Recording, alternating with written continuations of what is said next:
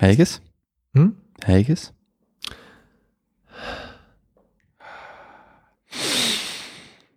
Oké, we zijn vertrokken. Vandaag met eh, Benjamin IJzermans, Teun Haanbraken. Deze podcast wordt gesponsord door niemand. En waar is die jingle, Nog, man? nog niemand.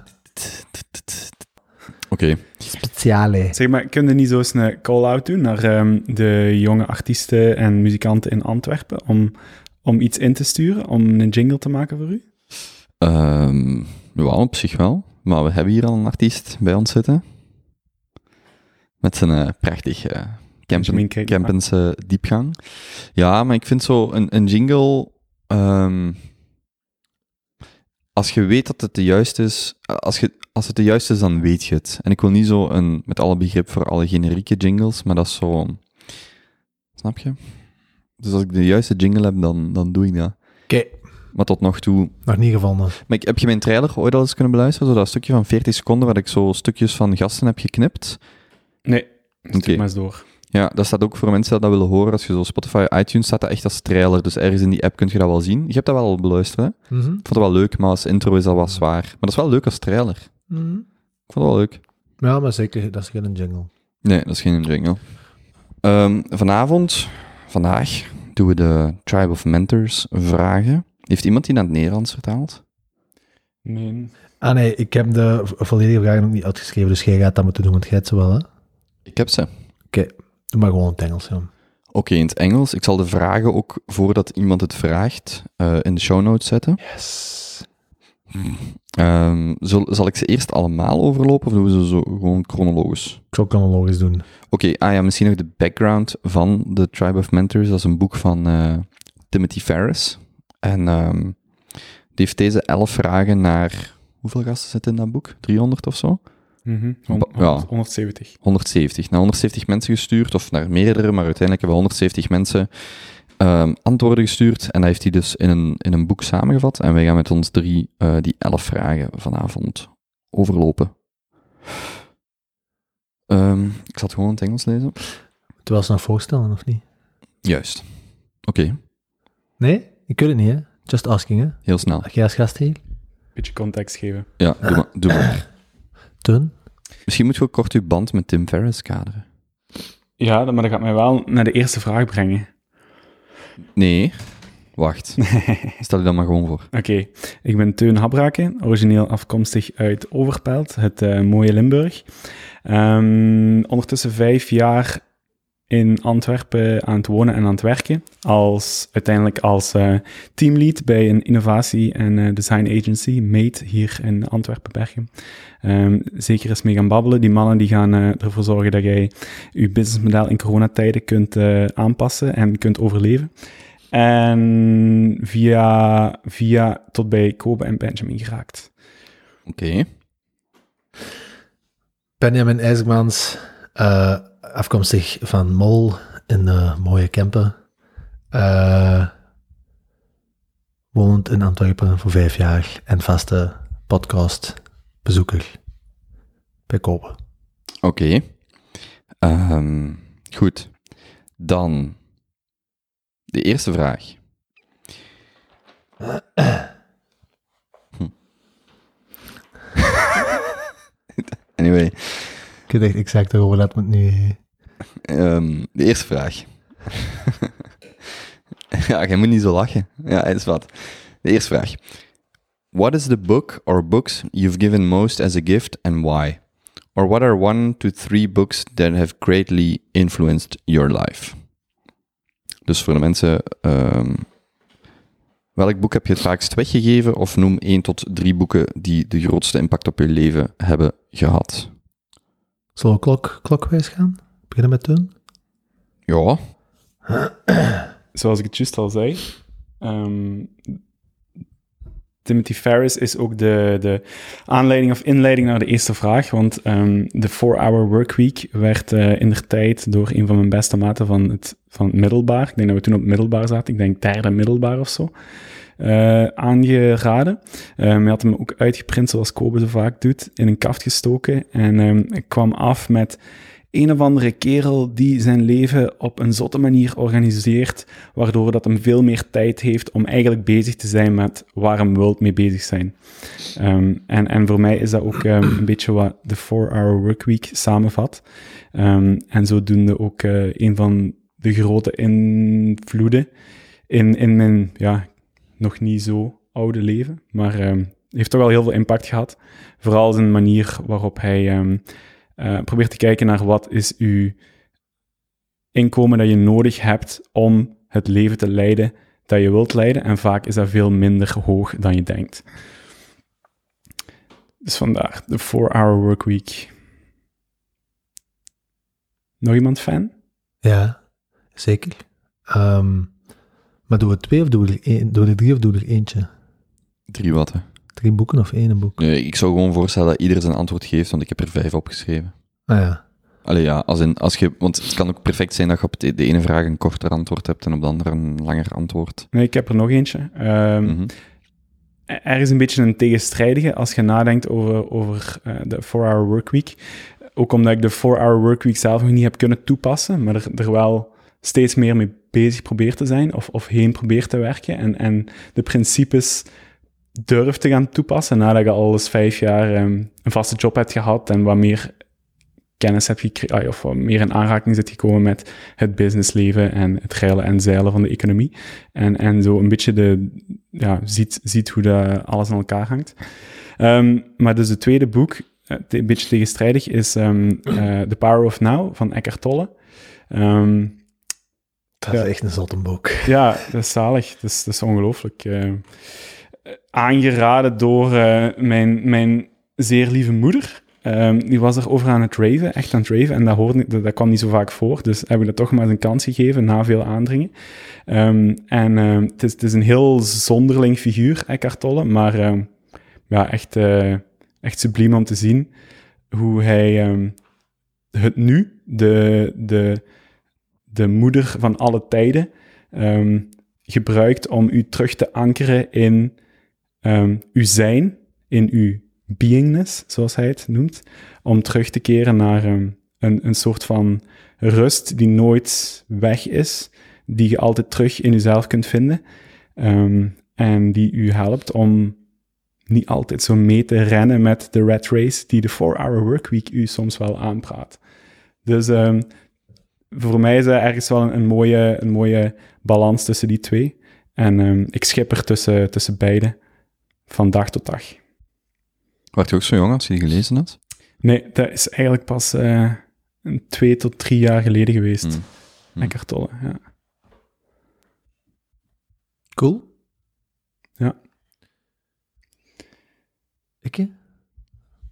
Oké. um... We hebben dit nog nooit eerder gedaan, en zo vragen op voorhand dan beantwoord, dus we moeten nog een beetje onze, onze ritme of ons tempo ja, vinden. zeker.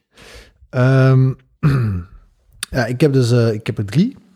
Um, waarvan de eerste De kunst van het geluk, geschreven door Howard C. Cutler. En um, zijn heiligheid de Dalai Lama. Gelezen op mijn 18, dat ik het eerste jaar naar, uh, naar de universiteit ging en op zoek was naar een antwoord op de grote vragen des levens. Waarom zijn wij hier? Waarom doen wij de dingen dat we doen? En wat maakt ons gelukkig? Op dit boek gestoten in een standaard boekhandel toen nog um, die gelezen en eigenlijk door gigantisch veel chance. Andere mensen zullen het uh, karmische, uh, karmische beschrijving geven. Ik geloof eerder meer in het eerste, maar bon, ik heb een boek gelezen en eigenlijk grotendeels antwoord gekregen op die, die vragen die ik juist verwoordde. Um, dus dat was voor mij wel echt een winnaar. Want dan kon ik eigenlijk beginnen gaan nadenken van oké, hoe, dat, dat wil ik dan give or take, van wat, wat die vragen, wat het antwoord daarop is. Dat voelde voor mij heel juist wat er in een boek stond, dus dan kan ik nu gaan focussen op andere zaken te gaan beginnen doen. Um, dus dat is er eentje dat ik echt iedereen kan aanraden. Wat was dat dan? Wat soort ding? Dan moet het een boek vollezen en komen. Mm. Oké.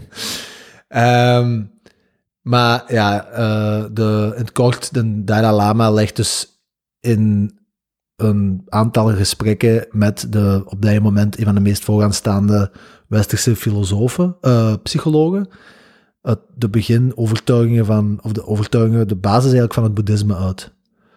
Ehm, en dat, dat spreekt mij gigantisch hard aan.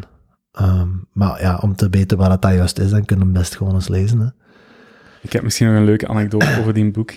Je hebt me die eh, aangeraden vlak voordat ik naar Marokko vertrok voor vijf weken surfen. Ja. En eh, op een van de laatste weken kwam ik daar een, een maat van toen tegen. En die, zijn knie schiet op de eerste dag dat hij gaat surfen uit de kom.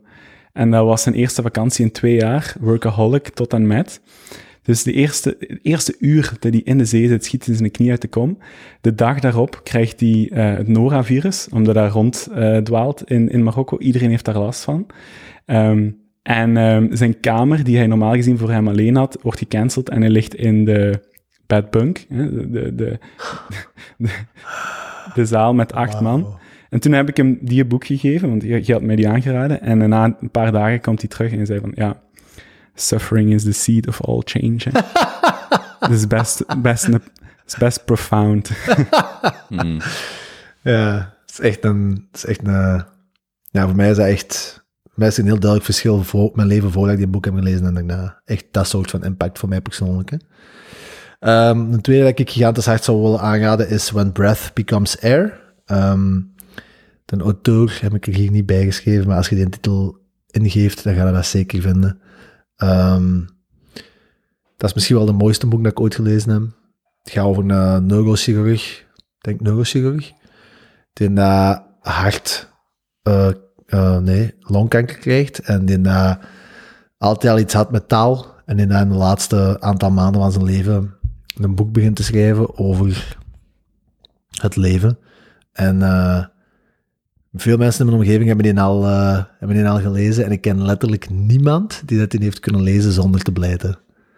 Inclusief mezelf. Dat gaat gewoon niet. Maar die, eh, ah, ik, dus, ik vind dat, ja, is een van ik- dat is ook zoiets, ik wil dat elk jaar lezen. Als ik er een tijd voor zou hebben, ik zou dat, ja, ja, bon, echt gigantisch mooi. En dan eh, de laatste, iets meer een andere categorie, ehm, met een hele shitty titel, maar wel gigantisch veel impact ook op mij. How to Win Friends and Influence People van Dale Carnegie.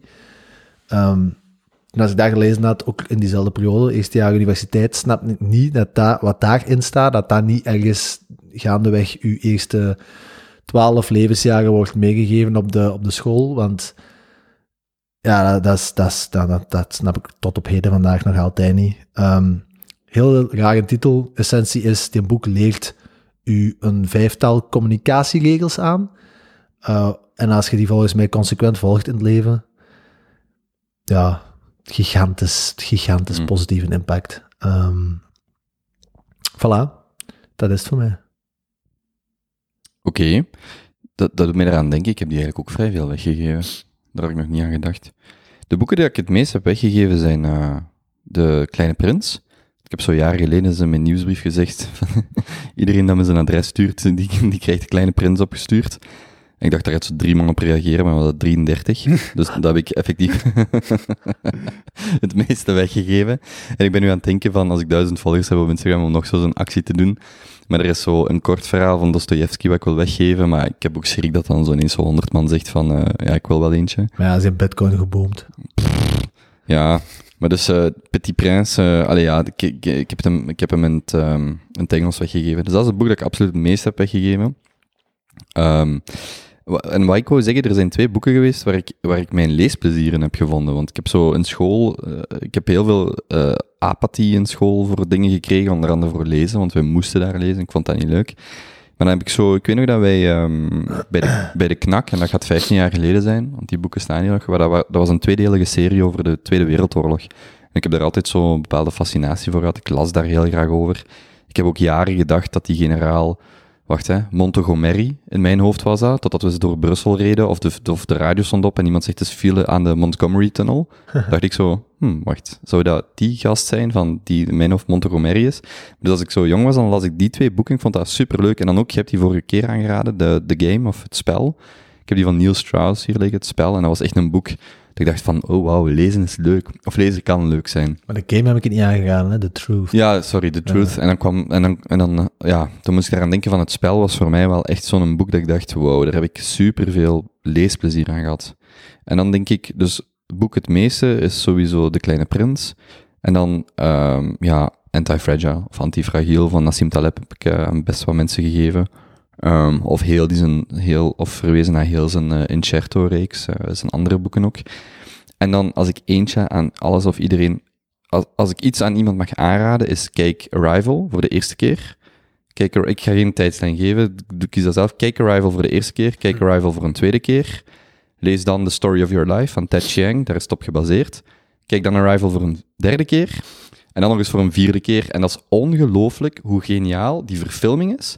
En hoe geniaal dat origineel verhaal is. Maar je moet dat echt, en je kunt er tijd over laten. Maar dat is ongelooflijk geniaal. Dat verhaal is echt, dat is spectaculair. Maar ik raad wel aan om eerst de film te kijken, omdat je meer context gaat hebben. Als het, het kort verhaal, want zijn maar 40 pagina's of zo, is zwaar. Het is vrij, ik vond het zwaar. Als in, de, de, de film voegt nuance toe, die visuele nuance die nodig is om het beter te begrijpen. Ehm, en zoals alle goede films draait dat om liefde uiteindelijk. En om, en om verdriet en, en om pe- interpersoonlijke relaties. En super mooi. Dus daar raad ik ook, eh, dat zou ik iedereen aanraden. Hoewel dat niet echt mijn leven zo zwaar be- beïnvloed heeft, omdat ik het nog maar recentelijk gelezen heb. Cool. Oké. Vraag 2. Yes. What purchase of $100 or less has most positively impacted your life in the last six months or in recent memory? My readers love specifics like brand and model, where you found it, etc. Dus welke aankoop van 100 euro of minder heeft u ehm, het leven het meest positief beïnvloed in recente geschiedenis? Zal Benjamin nu beginnen? We doen wel altijd hetzelfde reeksje. Of we doen gewoon altijd hetzelfde reeksje? Goed. Ehm, meest positieve aankoop in het laatste jaar is zonder twijfel ehm, de North Face backpack, eh, genaamd Surge. Is je die bij? ja, die staat achter de tafel. Eh, Oké. Ja, ehm ongelofelijke backpack met alle functies in die je maar kunt wensen. 35 liter, zo ziet hij er niet uit, maar je stopt er zonder moeite twee boeken van Timothy Ferris en een broodrooster in. Ehm, van een week nog getest. Echt fantastische rugzak, zwart, stevig. Absolute win. Ik heb niks meer nodig. Hoeveel, hoeveel kost die? Ik denk juist onder de 100 euro, of op de 100 euro. Had ik daar geweten, ik heb in een week een rugzak gekocht. Stuur het Online. terug. Ja. Misschien wel. Oké. Mijn beste aankoop van het jaar. En dan is er nog ene waar ik aan zit te denken, omdat ik, hem, omdat ik de aankoop of het softwareabonnement op dit moment via, via mijn werkgever ehm, ontvang. En dat is eh, Asana. Dat is het enigste en de enigste tool waar ik eh, Wist dat die 100% gekomen. zeker van ben dat ik die voor de rest van mijn leven nodig ga hebben. Mijn, mijn leven Mm. draait eh, op Asana al... Ik ben, ik ben, eh, Timothy Ferriss zegt dat ook ooit, dat hij een notorious note-taker is. Ehm, ik maak niet zoveel notities, maar ik wil wel heel veel zaken onthouden. En die, ik wil die graag dat die op de juiste plek terechtkomen, dus in de juiste projecten, in de juiste lijstjes.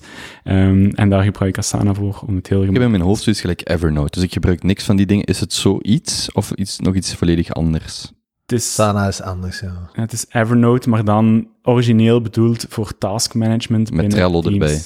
Evernote en Trello. Zoiets. Ja, het gaat veel verder. nee, oké. oké. Maar Het is, ja, het is origineel een project management software, maar ik Mm. gebruik hem vooral voor notes, notes-taking en, en het organiseren van uw leven, uw projecten, uw acties, uw doelen, uw waarden, whatever.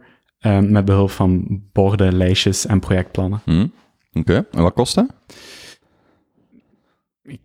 gratis, denk ik. Ja. Het is gratis, maar dan kun je geen projectplannen maken. Eh. En dan denk ik dat 25 euro per maand is enterprise niveau of 9 euro per gebruiker enterprise. Ik heb in een week de factuur betaald. Het is 850 euro voor, tuss- voor een team van tussen de 5 en de 10 mensen voor een jaar.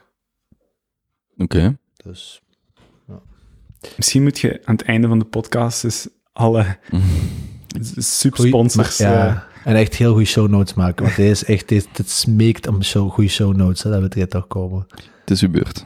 Oké, dat is een ja dus. Hè. Ehm, ik heb er twee. Eén, ehm, vitamine D.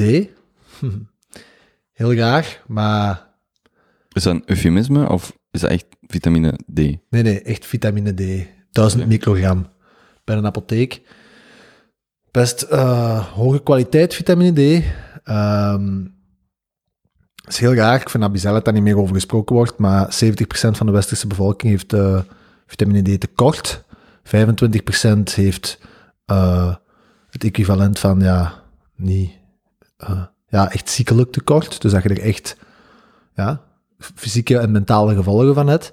Ehm, komt daarbij, uh, dacht actueel even, actueel tipje. Vorige week was Dr. Ron Patrick. Patrick. Eh, op eh, Joe Rogan. eh, om te spreken over wat je best kunt doen voor immuunbescherming tijdens corona, specifiek tegen corona. En die heeft van die drie uur, denk ik, anderhalf uur, ja, een uur en anderhalf uur natuurlijk bezig geweest over sauna-use, maar bon. En dan het andere uur en anderhalf. DMT. Een- ja, een beetje een inside joke, maar bon. Maar dan wel echt gewoon anderhalf uur bezig geweest, ook over de studie na studie na studie die dan nu eigenlijk aantoont dat eh, vitamine D tekort en dus het tegenovergestelde ook vitamine D op gezonde en misschien zelfs iets hogere niveaus het beste is om eh, corona eh asymptoom te zijn of als je corona krijgt er eigenlijk gewoon heel weinig van gevolgen van Je gaat gewoon naar de apotheek en je zegt ik wil vitamine D. 1000 microgram per dag. Ja, zo'n mak, zo'n mak, zo'n maf als ik ook in, die pakt dan 5000 natuurlijk. Eh, de wettelijk, eh, pas, je kunt te veel passen, eh, pakken, dus en ook, ik ben geen dokter, laat me dan heel duidelijk zijn, maar bon, Ehm, ik pak het al verschillende jaren en alleen nog geen nadelen. En ja, voor 1000 microgram doe je echt nee, geen kwaad. 2000 ook nog niet, denk ik zelfs. En wat kost dat? 15 euro voor een potje met 100 polletjes in of zo. Hm. Allee, nee, ik denk iets meer 25. Maar eigenlijk zouden ze daar gewoon een, een, zouden ze daar gewoon een, drink, een drinkwater moeten doen. Dat is echt absurd dat zoveel mensen hebben daar een tekort aan. En dat leidt naar depressiviteit. Naar, als je dat ook niet hebt, maakt je lichaam ook veel minder aan door buiten te komen. Dus dat is een beetje een vicieus cirkeltje. Ehm, ja, dus vitamine D. Heeft iemand van jullie zoals een test laten doen van wat je tekort hebt? Zijn, zijn er Ja, maar als jonge, relatief gezonde man hebben meestal... weinig, weinig tekort?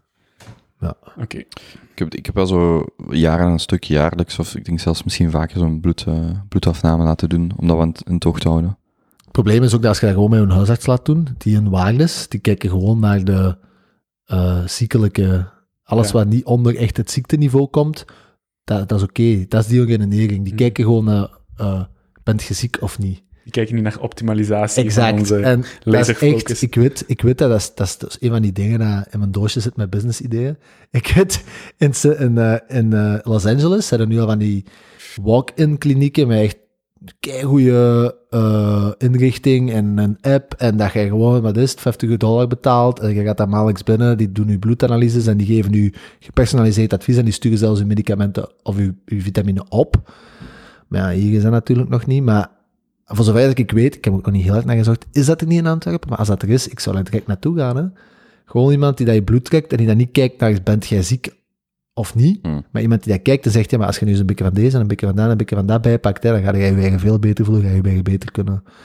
Ja, dat is ook een beetje natuurlijk. Ja, aan, de- aan hoor. aan de andere kant, we hebben zeer hoge terugbetaling. Je zou toch maandelijks naar een dokter kunnen gaan en uitgebreid... eh, Ja, maar het incentive systeem vind ik zit gewoon fout een beetje in het Westen. Want ik, eh, ik ben bijvoorbeeld lang, een paar jaar terug, eh, naar zo'n eh acupuncturiste geweest, een Chinese, die ook uit China geneeskunde had, Chinese, gene- Oosterse geneeskunde had gevolgd. En dan in het Westen ook echt een klassieke geneeskundeopleiding. En die, die legde uit van, kijk, eh, in, het Westen, in het Westen is het raar, want je gaat naar een dokter en een dokter krijgt dus een inkomsten als je ziek bent. mhm. Ja, Hij zegt, in China betaal jij een vast bedrag per maand aan uw dokter. Als jij ene keer in die maand ziek bent, moet je die in die maand niet betalen. Hm.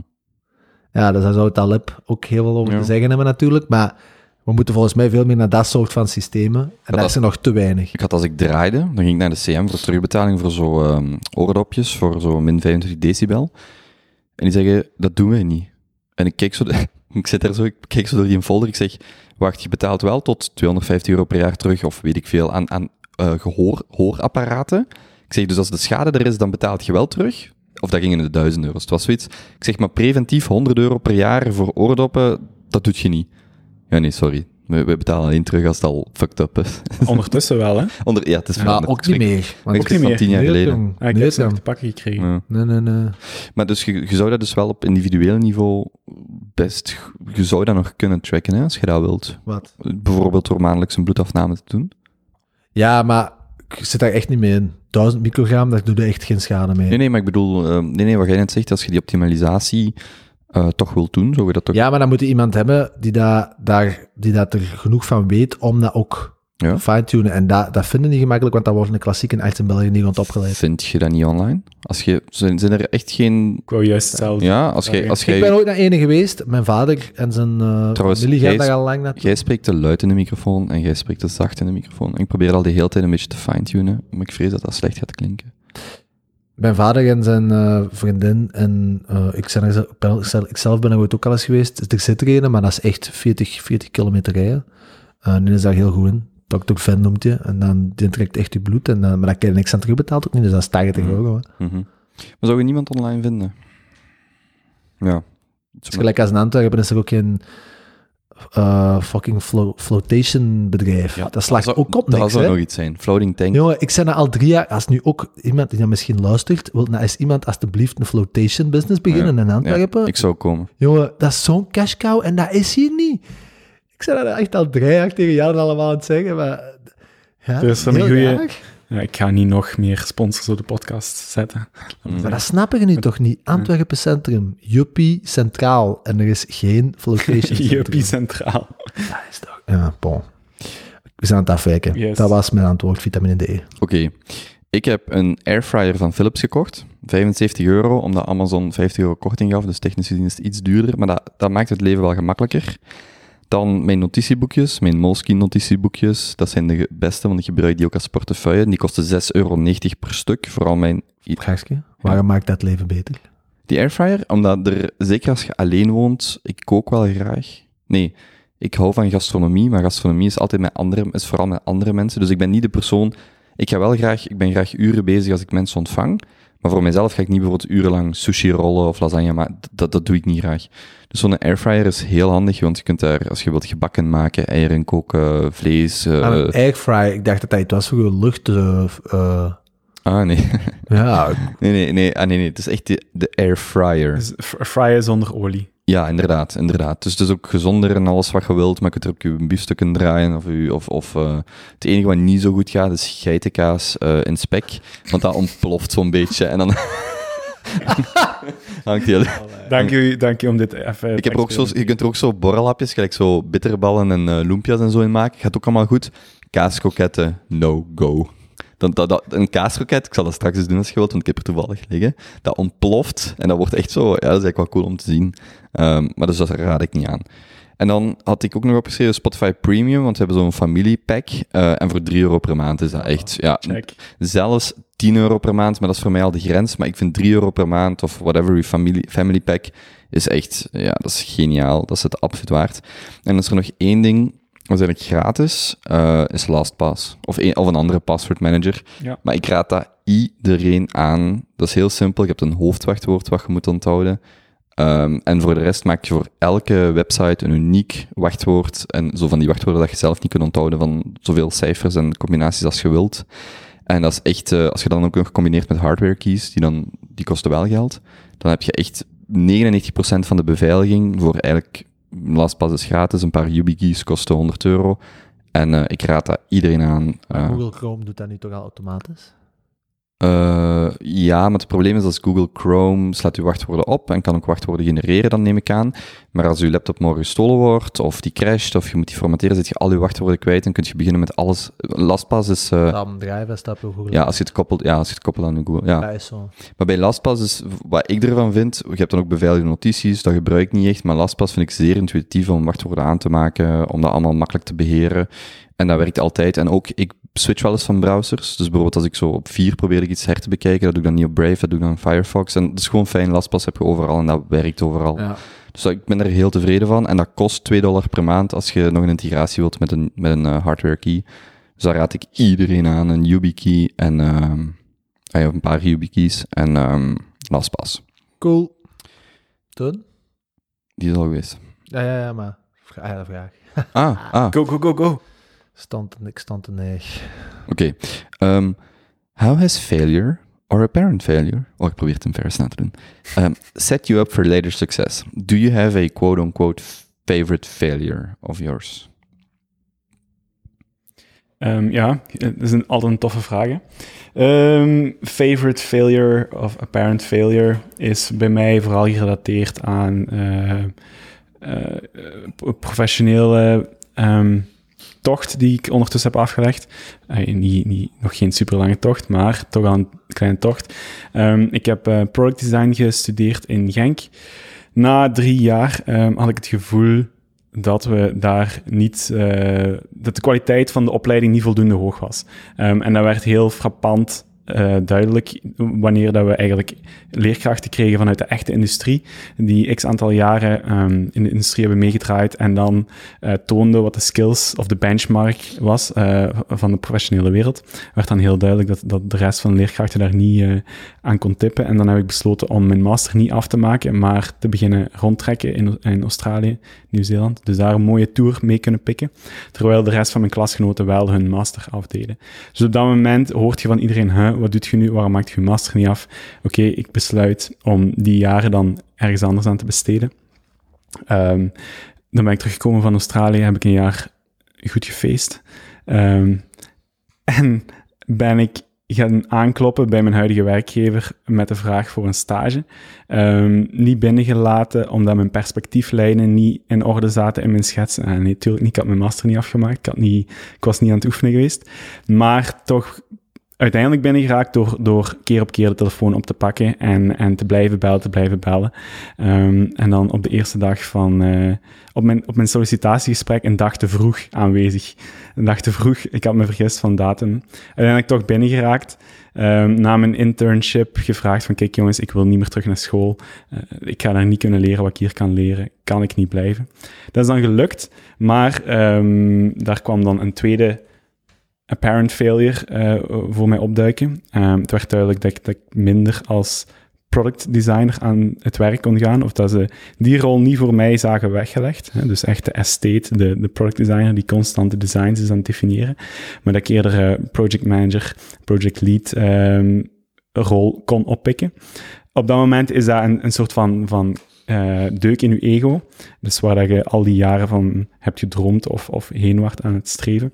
Ehm, dat is dan niet gebeurd, maar dat zette mij wel klaar om te leren wat is om offertes op te maken, klantencontact, eh, andere mensen aan te sturen, projecten op te maken, en met een veel bredere wire in de business in aanraking te komen, waardoor ik later ook ben kunnen doorrollen naar een teamlead positie.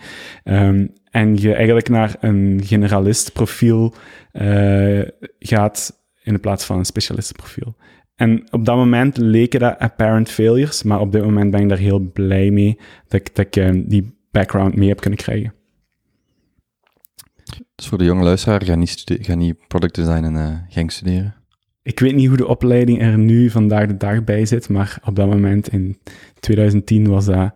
Zij gingen ook juist door een, door een transformatief jaar en dat was niet, dat was niet Hmm. optimaal. Alright. Cool. Ehm,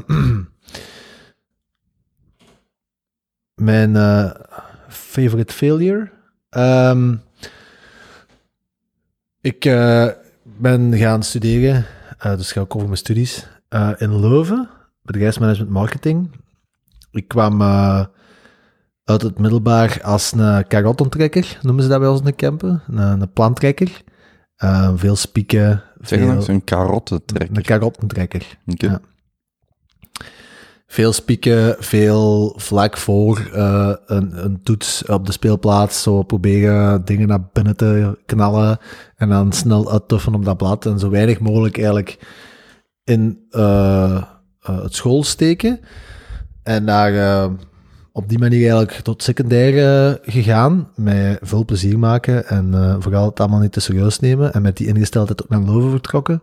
Ehm, een eh, zeer leuk eerste jaar gehad, maar echt ten eigenlijk op zeer leuk.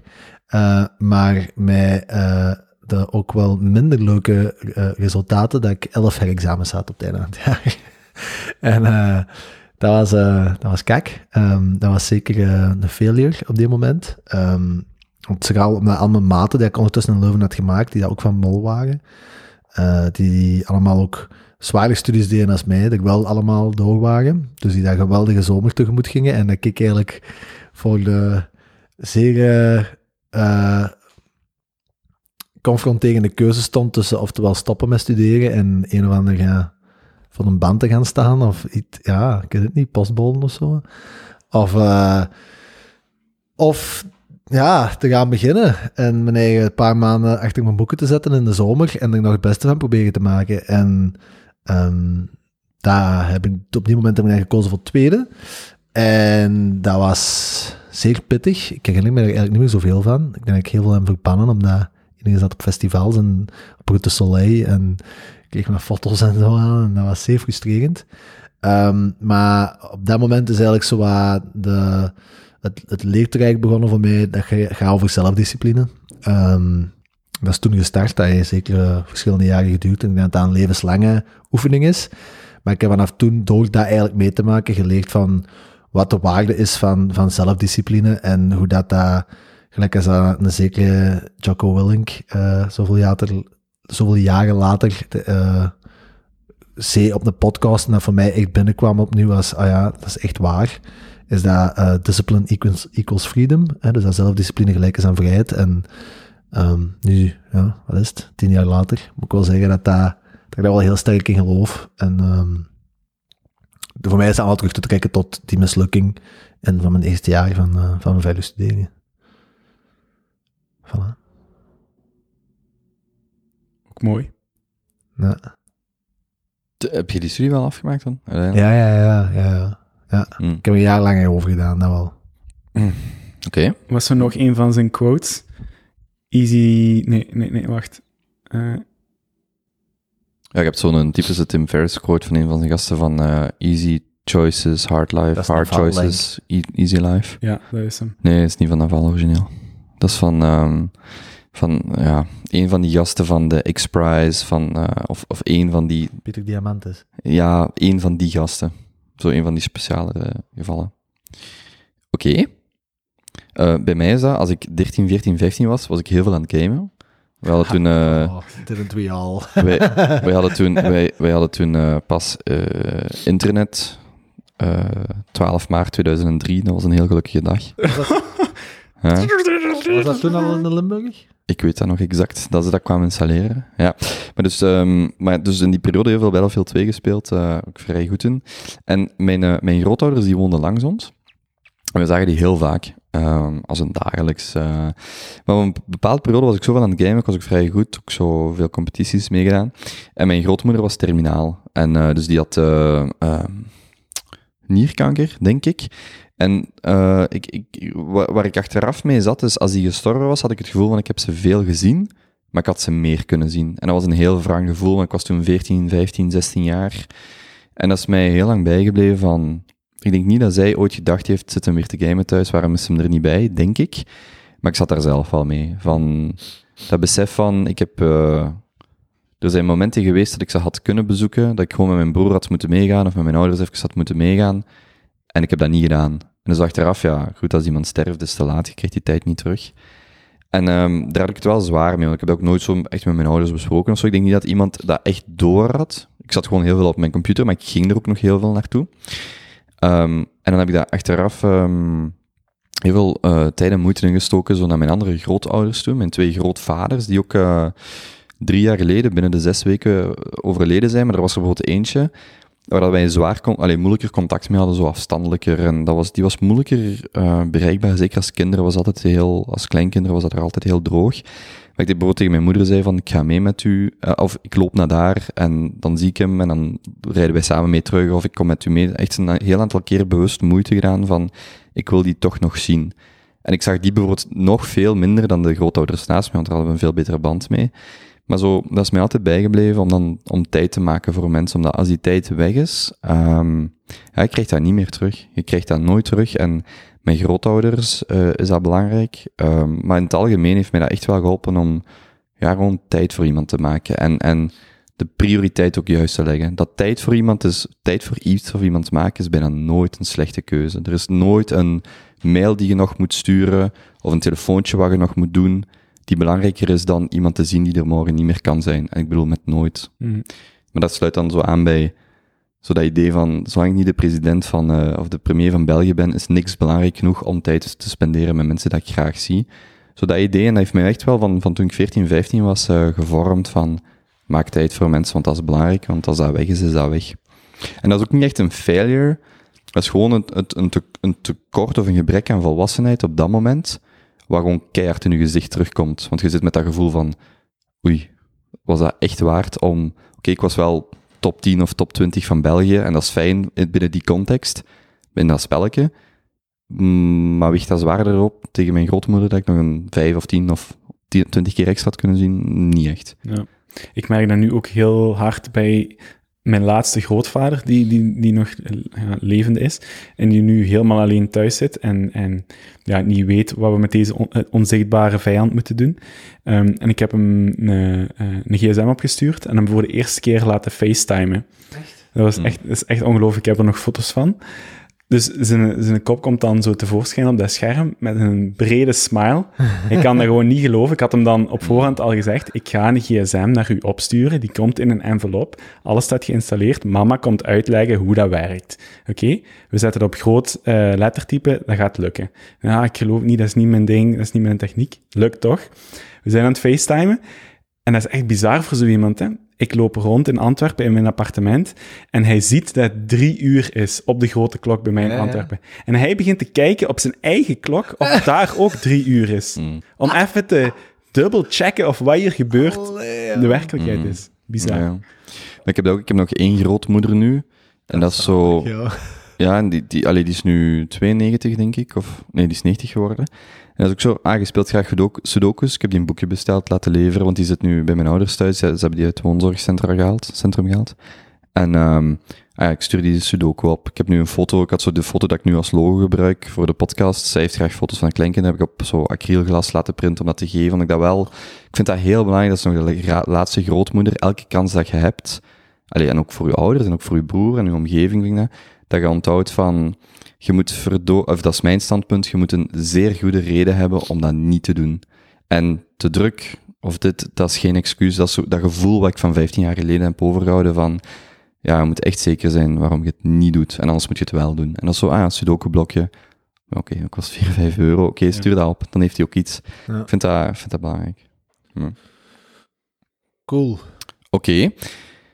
If you could have a gigantic billboard anywhere with anything on it, metaphorically speaking, getting a message out to millions or billions, what would it say and why? Um, it could be a few words or a paragraph, and if helpful, it could be someone else's quote. Are there any quotes you think of often or live your life by? Dus je kunt ergens een ehm, boodschap van algemeen nut broadcasten. Wat deelt je met de wereld? Ik zal starten. Ja. Ehm, in mijn geval, ik heb er twee opgeschreven, maar ik ga gewoon de eerste pakken. Ehm, you are not your thoughts, aka don't identify with eh, uw, uw, uw gedachtepatronen. Ehm, ik denk dat weinig mensen erbij stilstaan hoezeer wij onszelf conditioneren, hoe, hoe, hoezeer dat bepaalde gedachtepatronen, stress, spanningen, zorgen, geconditioneerd geraken door de omgeving waarin je zit, de voeding die je eet, de, de periode waar je doorheen gaat. De vitamine D die geslikt. Het zou zomaar kunnen. En, en dat, mens, dat, dat dat echt een heel valuable tool is, eh, zo ook meditatie, om daar even afstand van te kunnen nemen. En te zien van, oké, dit zijn gedachten en die gedachten vormen niet mijn volledige identiteit. Er is zoveel meer dan alles wat mijn identiteit en mijn hoofd maakt. Ehm, en er wordt niet echt veel aandacht aan besteed, tenzij je erin geïnteresseerd bent of, of ermee in aanraking komt. Dus vandaar zou ik dat zetten. En de tweede? Je had nog iets zeggen. Ehm, ja, escape competition through authenticity. Ik denk dat het heel belangrijk is om je eigen niche uit te karven door, door ja, te, te geloven in, in wat dat voor u werkt, wat dat uw natuurlijke talenten zijn en, en daar gewoon dubbel op in te zetten en niet, eh, niet iemand na te doen en, en gewoon te gaan voor, voor eh, wat dat voor u goed voelt. Hoe belachelijk of hoe vreemd dat soms ook eh, mag zijn voor de buitenwereld. Cool. Waar zou je dat bord zetten? Probeer me dat voor te stellen. Waar zou je een boodschap naar miljarden mensen kunnen krijgen? Op de Eiffeltoren. Echt zo'n ene kant van een Eiffeltoren gewoon pad. Oké. Nee? Ja? Ja? Misschien wel. Ik was aan het denken wat de meest iconische plek in de wereld is om zoiets te doen. Ik was aan het denken aan die Otto van den Musk. Daar heeft ook veel volk naar gekeken. Hè. Ah, die Tesla. Dat daar geen sticker op hing. Ja, juist. Ah ja, en zo'n Felix Baumgartner of zo met Red Bull. Dat denk ik ook dat zo echt Ja. honderden miljoenen, als niet miljarden mensen gezien hebben. Of zo. secundair gezien hebben. Ja. Herbekeken. Oké, Ehm, ik denk dat ik daar zou opzetten. Ik ga het nu in het Nederlands zeggen, hè, maar ehm, je bent tot meer in staat als dat je denkt. Dat is denk ik iets dat veel te weinig of zo wordt meegegeven, naar mijn gevoel. Ehm, ik geloof gewoon heel sterk in dat een heel groot gedeelte van de bevolking, eigenlijk iedereen, alleen niet iedereen, maar toch een heel groot gedeelte gewoon substantieel onder zijn. Allee, wa, wa, als je zou denken van wat het maximale potentieel is van wat iemand heeft, en als je dan gaat kijken naar waar dat ze mikken, en dan waar dat je gaat kijken waar dat ze effectief zitten, die delta is gewoon volgens mij veel groter als dat de gemiddelde mens zich eh, realiseert. dus gelijk die oefening. Iemand staat op, voor een podium en die zegt tegen zijn publiek, steek eens je hand zo hoog mogelijk als je kunt. En dus iedereen steekt zijn handen, maar dan zo nog hoger. En dan ziet je zo iedereen zo, ah ja. Zo het verschil tussen Dus- Maar je denkt dat je, dat zo'n heel simpele Ja. visualisering van exact dat ding. Allee, exact sluit daarbij aan van, ah ja, nee, wacht, je kunt altijd nog iets meer geven of nog iets meer doen. Misschien- Benny, om heel even in te pikken, wat houdt al die mensen tegen? Conditionering, denk ik, voor een heel groot deel. Ehm, ik denk dat wij nog heel sterk worden beïnvloed, zonder dat we het misschien weten, door dat industriële denken, vooral vanuit onderwijs. Dat, dus ons schoolsysteem, onze scholen zijn nog altijd opgebouwd volgens, wij moeten zien dat, wat jij juist ook zei, wij krijgen x aantal honderden of duizenden kindjes per jaar binnen. Wij hebben vanuit de overheid een opgelegd programma. Dat programma wordt samengesteld om zo goed mogelijk aan te koppelen op het professioneel dat er daarna gaat volgen, wat by definition vandaar en daar al een compleet idioot concept is, want tegen dat dat ding geschreven is, is de realiteit al zo hard veranderd, dat je eigenlijk opnieuw kunt aan beginnen. Ehm, en tot op heden, denk ik, is dat nog altijd vanuit het idee dat, waar dat het ooit mee is gestart, wij hebben x aantal handjes nodig die dat x, y en z kunnen in de fabrieken voor de industrialisatieprocessen te doen van in in de tijd. Eh, en dat wordt vandaag nog doorgetrokken naar wij moeten zien dat wij, als we al die kindjes binnenkrijgen en Fineke is keigoed in dat, Fineke is minder goed in dat, Jantje is keigoed in deze, maar iets minder goed in dat, dat ze op het einde van de rit toch allemaal ongeveer op een gemiddeld punt krijgen, dat we hun zwaktes hebben uitgebalanceerd, hun sterktes, ja, daar moeten we niet meer echt veel aan werken, dat want dat zit al goed. Oké, maar dat is niet En- het hele verhaal, hè? Want dan heeft iedereen vanaf 18 een excuus om nooit te performen, want ze zijn gevormd in dat systeem en die tijd krijg je niet meer Nee, terug. ik zeg niet dat dat de verklaring is. Nee, nee, maar wat zijn dan nog- Vraag, vraag maar was een van de redenen. Ik denk dat dat er veel Hmm. mee heeft te maken, dat er niet wordt gewerkt van wat zijn uw sterktes, wat jij juist zei, wat zijn uw sterktes en hoe bouwen je daarop verder? Ik denk dat dat een, een, een onderwijselement is.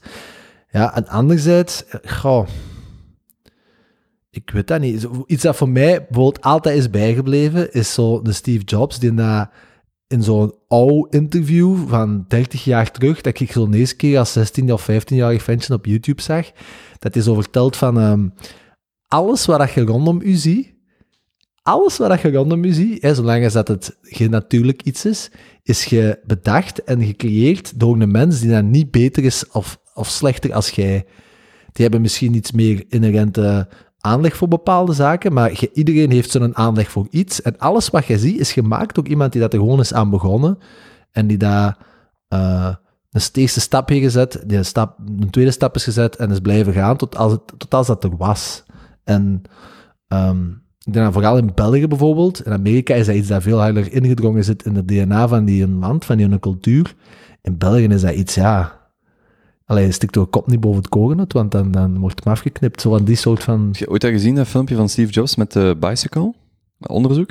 Ik vind dat zijn beste. Wie je op YouTube opzoeken. Bicycle for the mind. Steve, nee, Steve Jobs bicycle. Wel, wel hem wordt je, hij, hij vertelt van um, als je um, alle dieren oplijst um, van lichaamsgewicht of, of energieverbranding ten opzichte van hun snelheid, dan staat zo'n jachtluipaard helemaal van boven. En eigenlijk mensen staan zomaar in de bottom een derde of zo. Wij staan heel laag. Dus wij, ver, wij verbranden zeer veel energie voor vrij weinig uh, mechanische of, of, mechanische beweging. Maar, zegt hij, de onderzoekers die dat hebben, dus dat is een filmpje van de jaren 70 of 80 of zo. Zegt, maar de onderzoekers die dat, hebben, dat onderzoek hebben gedaan, waren slim genoeg om mensen eens op een fiets te zetten. En dan wordt onze output, dan zijn wij echt through the roof. Dus, dus een jachtluipaard staat dan echt zo, wij schieten er bovenuit. En hij zegt, onze sterkte is niet wat wij met onze fysieke beperkingen doen, maar wij zijn geweldig, wij zijn de beste soort ooit in het ontwikkelen van tools en grief. Dus geef een mens het, het om een fiets te bouwen en wij outperformen eender welk dier. En dat is, dat is wat bij, van hem, wat, wat mij van hem veel meer is bijgebleven, is van bouw de tools, sorry, dat wij zijn een, wij zijn een ras wat dingen bouwt, technologie ontwikkelt, waardoor dat wij veel performanter zijn dan eender wat dat er bestaat. En dat is zoiets motiverends als je daarover nadenkt van uh, hoeveel technologie er rondom ons is, wat wij kunnen, waartoe wij in staat zijn. Dat is zo motiverend als je bijvoorbeeld actueel zegt van we moeten naar een duurzame toekomst. Gewoon het besef dat je weet, wij kunnen dat. Mm. We weten niet hoe, of we weten nog niet hoe, maar wij kunnen dat. Dat zit in ons om Ja. dat te doen. Dat is zo, dat is En zo motiverend, vind ik, om dat tegen iemand te zeggen van je kunt dat. Of wij als soort kunnen dat. Ik vind dat echt En dat is ook echt een tijdsgeest iets, hè.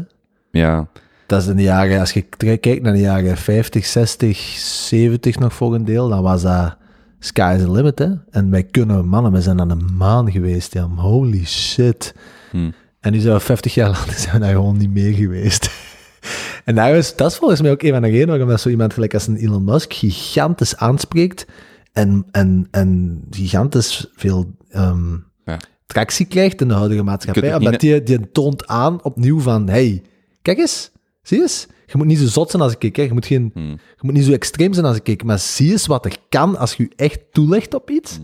En dat is zoiets, dat we worden precies terug zo'n beetje wakker geschud ook die... eh, elke keer als je zo'n Starlink voorbij ziet komen, denk je, wow, die schieten gewoon iets wat... En dan, wow, dat is gewoon... Dat alleen al zou ik... Ik heb die livestream zitten kijken van die Falcon, de eerste keer dat hij op dat ponton in de oceaan landde. hmm. Ik zat er echt naar te kijken, ik kreeg kippenvel van... Want de eerste keer Ja. was het mislukt en dan de tweede keer doen ze het nog eens echt van... Dat kan, dat is mogelijk. Ze hebben tientallen jaren gezegd, nee, een raket kan niet landen. En ineens landt die raket. En dat is echt zo, wow, wat, Maar kan er dan nog allemaal? Maar je hebt nog veel voorbeelden, hè? die marathonloper, die een uh, die Kipchoge, die daar onder de twee uur een marathon loopt. Allee, zo dat soort van dingen, maar ja. Ja. Boom, Ja, dat is mijn quote. Quote. Kun je nog iets zeggen? Ik, ik vroeg, ehm, ho- hoe komt het dat mensen niet tot aan hun eh, maximaal potentieel geraken? Omdat ik, ik heb vaak soms het gevoel dat er veel mensen in, in slaap gewiegd worden door alle informatie die op hen afge- afgevoerd wordt en de attention economy waar we vandaag de dag in zitten.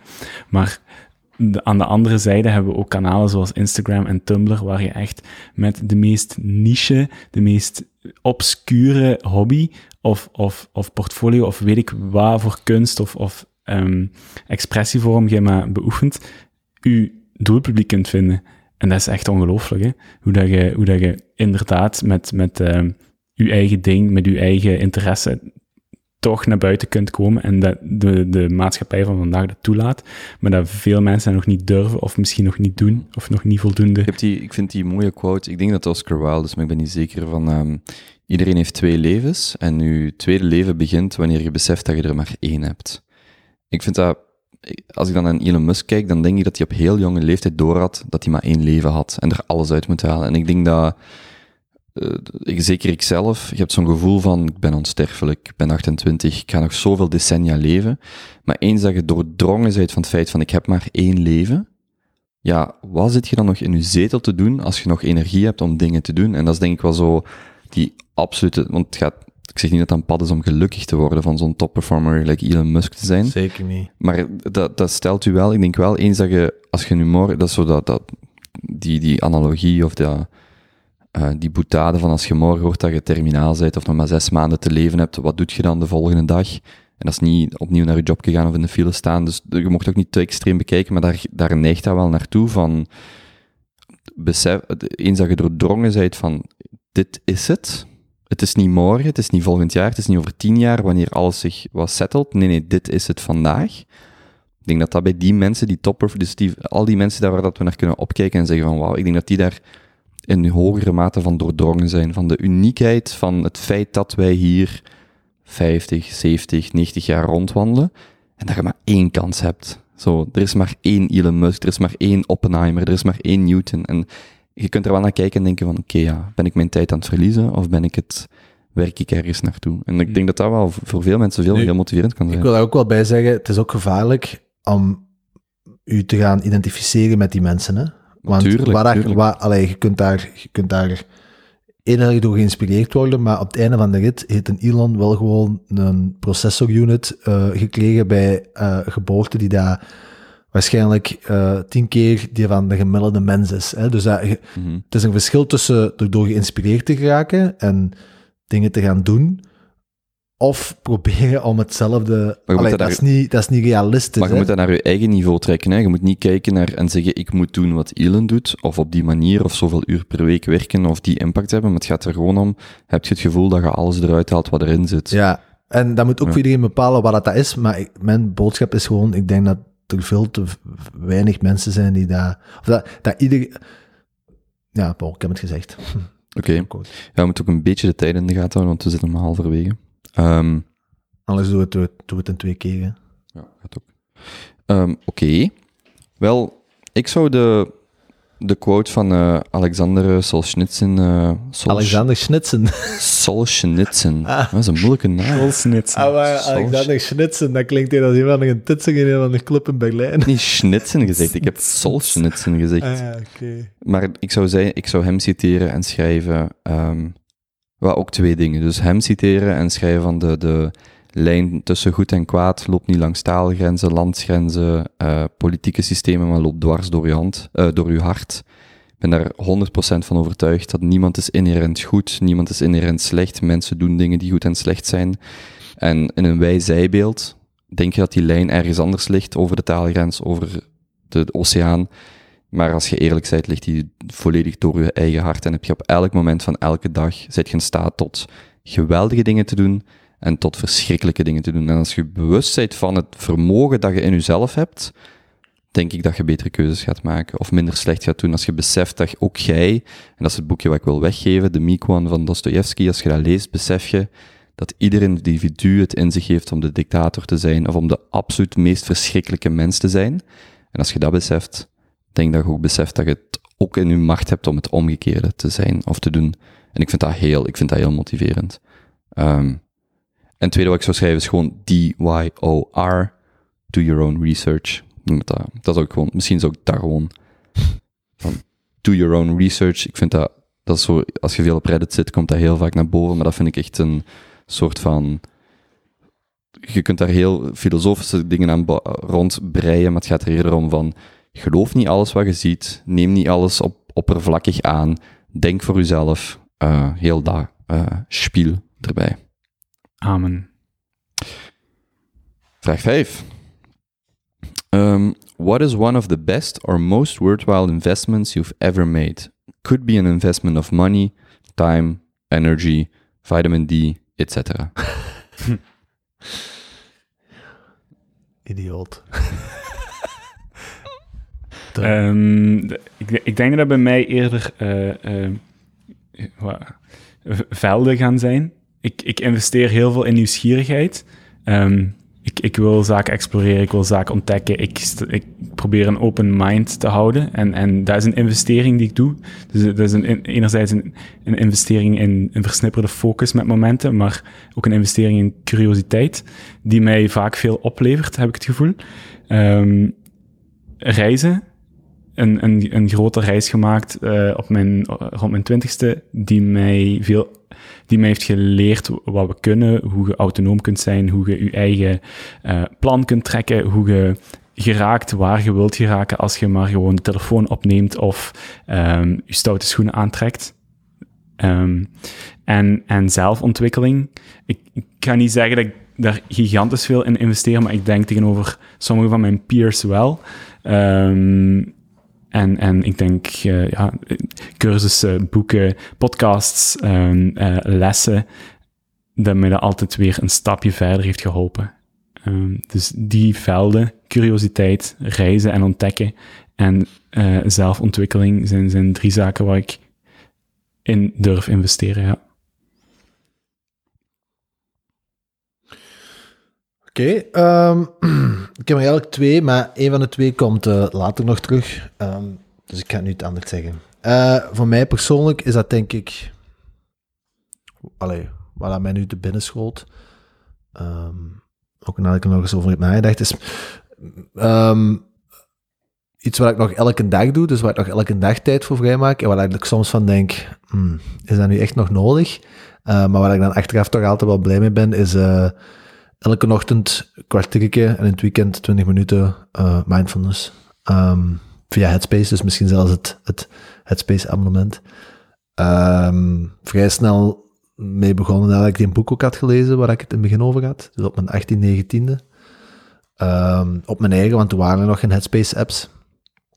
Maar uh, uh, vanuit een nood om tot, tot rust te komen, uh, met, dat, met, die, met dat stemmetje dat altijd in je hoofd uh, aan het gaan is. Um, Welk stemmetje? Ach, jong. Uh, iedereen heeft dat. Kobe heeft daar geen last. Komen heeft er volgens mij drie. Je hebt er maar één, ja, ik wou je zeggen. je hebt er maar één. ik heb een klein klasje in mijn hoofd. um, maar ja, dat, dat, is een, uh, dat is een continue uh, investering. Want uh, dat is een kwartier, twintig minuten s ochtends. Terwijl je echt, allee, ik toch, kwartier, twintig minuten vroeger voor opsta. Maar door dat consequent jarenlang te doen, heeft dat bij mij voor heel veel tweede en derde rangs consequenties gezorgd. Um, het eerste wat ik, wat ik daarvan merkte, is dat je gewoon veel meer inzicht krijgt, dat je veel, dat je veel beter begint te identificeren waarom dat je bepaalde beslissingen neemt, dagdagelijks. Uh, 99 of wat is het, procent van de beslissingen die wij doen op een dag zijn onbewust. Um, maar omdat je je dag begint door eens kwartier, 20 minuten naar jezelf te luisteren. En als je dat consequent doet, dan word je veel meer bewust van wat dan nu de, de redenen zijn waarom dat je bepaalde onbewuste zaken misschien gaat doen. En als je er nog maar bewust van wordt, by definition, ga er dan zijn er niet meer onbewust mee bezig en kunnen meer bewust gaan sturen waar je je aandacht naar gaat leggen. En je zou kunnen zeggen dat uh, aandacht letterlijk bepaalt waar je naartoe gaat met je leven. Hè? Als jij vier, vijf uur per dag op die iPhone naar je Instagram aan het zien bent, ja, dan dat. Als jij je bewust je aandacht op andere zaken gaat concentreren, dan evolueer je naar die zaken. Um, dus uh, dat is voor mij, denk ik, uh, wel een heel belangrijke geweest. Ja. En dan, dan heb je het over um, mindfulness meditatie, dus een noting. Dus echt, oké, wat komt er nu voorbij? Wat is die gedachte? Van waar komt die? Waarom heb ik die gedachte? Of, of eerder stilte proberen te creëren in je hoofd, wat dan wel eerder richting transcendentale meditatie gaat? Ja, nee, voor mijzelf is dat nog altijd zeer simpel. Hè. Uh, ik doe dat eigenlijk al heel een, het eerste jaar op mijn eigen, maar dan heb ik echt nog de, volgens mij echt versie 1.2 of zo van Headspace ooit gedownload. Um, dus dat waren zo echt nog maar tien lesjes of zo, ook geen betalende versie. Um, en dat is eigenlijk altijd hetzelfde gebleven. Hè? Een, een bodyscan in het begin, 10 minuutjes. Allee, dus je begint te gaan, je zet je gaat een paar keer goed dippen in. Je gaat zo eens toch lichaam, maar wat voel ik vandaag?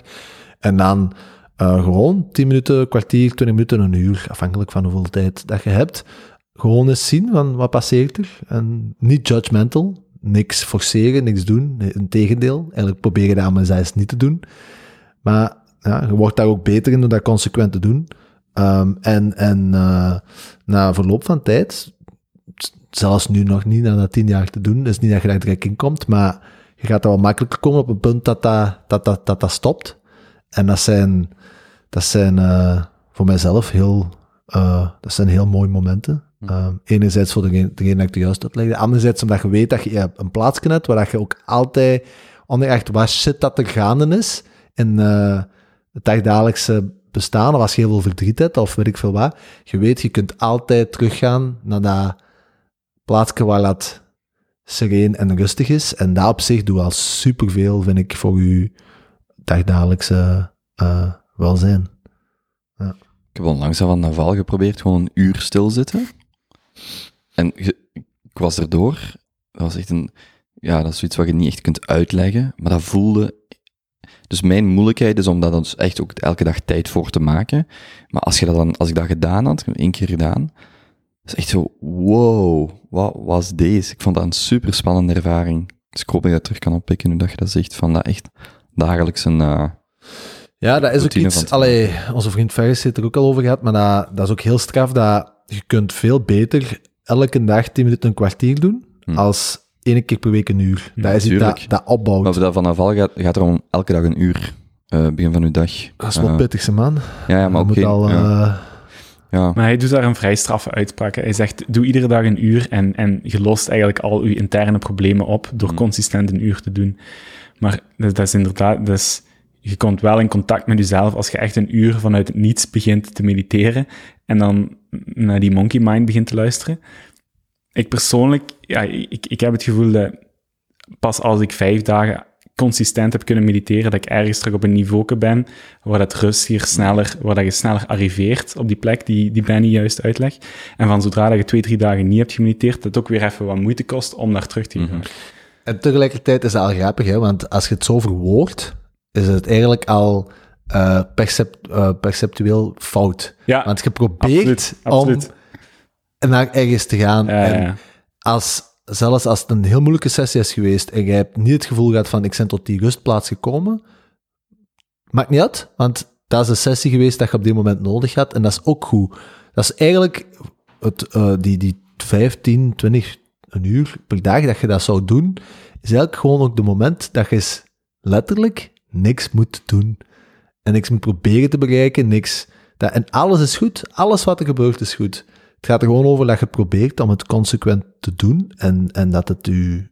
Allee, je hebt ook mensen die dat zeggen, ik heb het geprobeerd en het geeft Hmm. mij niks. Hè. Dat Ja, kan, hè. Ik wil dat daar, ook eh, niet verkondigen als Daar zat ik ook aan te denken. Ik de, denk de dat, heiligmakende iets, hè. Maar dat we heel veel aandacht geven aan meditatie als practice. Maar ik, ik, heb, ik, ik hoor ook heel graag mensen vertellen over dingen die meditatief zijn. Absoluut. En dat kan een fietsrit van 50 kilometer zijn, dat kan lopen, dat kan journalen. Die Derek Sivers, dat ik heel graag volg, die zegt mediteren doet mij niks, maar elke dag journalen, een half uur, daar haal ik, dus dat gaat meer om die, of dat nu zwemmen is, of het maakt niet uit, die meditatieve staat.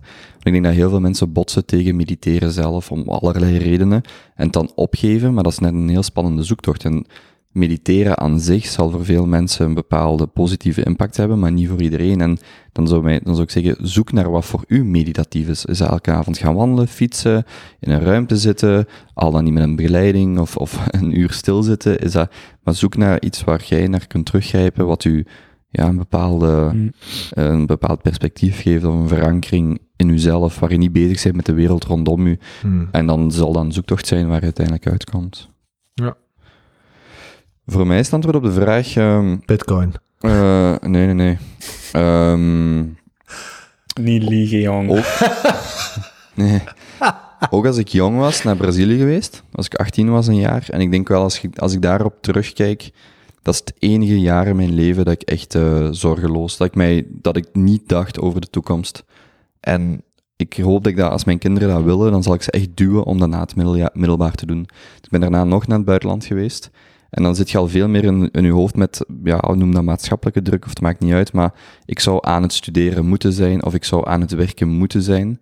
Terwijl dat jaar in Brazilië na het middelbaar, dat was echt een zorgeloos jaar, als ik daar nu over terugkijk. Dat was geen gemakkelijk jaar, maar dat was wel echt zorgeloos. En ik geloof niet dat je dat terugkrijgt, die tijd. Dus dat was voor mij, dat is, dat is niet de beste of een goede investering, puur qua euro's of tijd, maar dat gaat erom dat je op bepaalde momenten in je leven kunt je maar iets doen. En eens dat dat voorbij is, kunt je... Je groeit maar een aantal jaar, 10 centimeter per jaar of 5 centimeter, en daarna is dat gedaan. Dat stopt, dat komt nooit meer terug. Je gaat nooit nog een jaar in je leven vanaf nu 5 centimeter groeien. En dat is zo, zo dat principe van... Sommige dingen moet je op een bepaalde leeftijd doen, en daar ben ik heel dankbaar voor dat ik dat kunnen doen. En dan nog twee dingen die bij elkaar aansluiten. De, de, ehm, de regel dat ik eh, voor eh, boeken geen budget heb. Als, in, als ik een boek wil kopen, koop ik dat gewoon.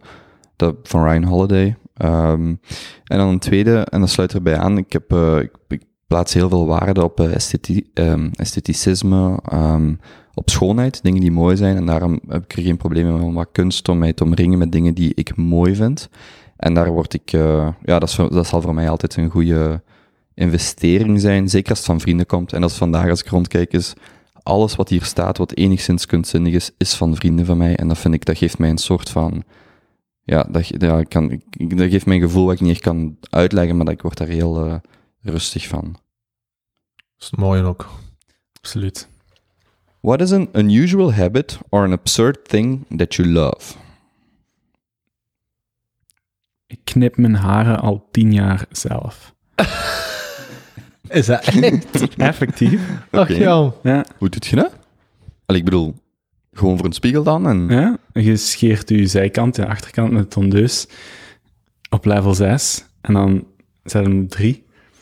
En dan ga je onderaan de randjes eraf doen. En bovenaan begin je gewoon met de schaar. Ik dacht daar nog over laatst. En toen heb ik precies niet veel last van dat die kappers dicht zijn. Ja, Ik, eh, iedere vier weken, dan zet ik me eens voor de spiegel en dan... Dat is wel... Ik, ik ben ooit... Ik ben ehm, een, jaar, een jaar geleden terug naar de kapper geweest, maar echt een herenkapper. Zo een met een snor en, en een barbier met zijn borsteltje en alles erop en eraan.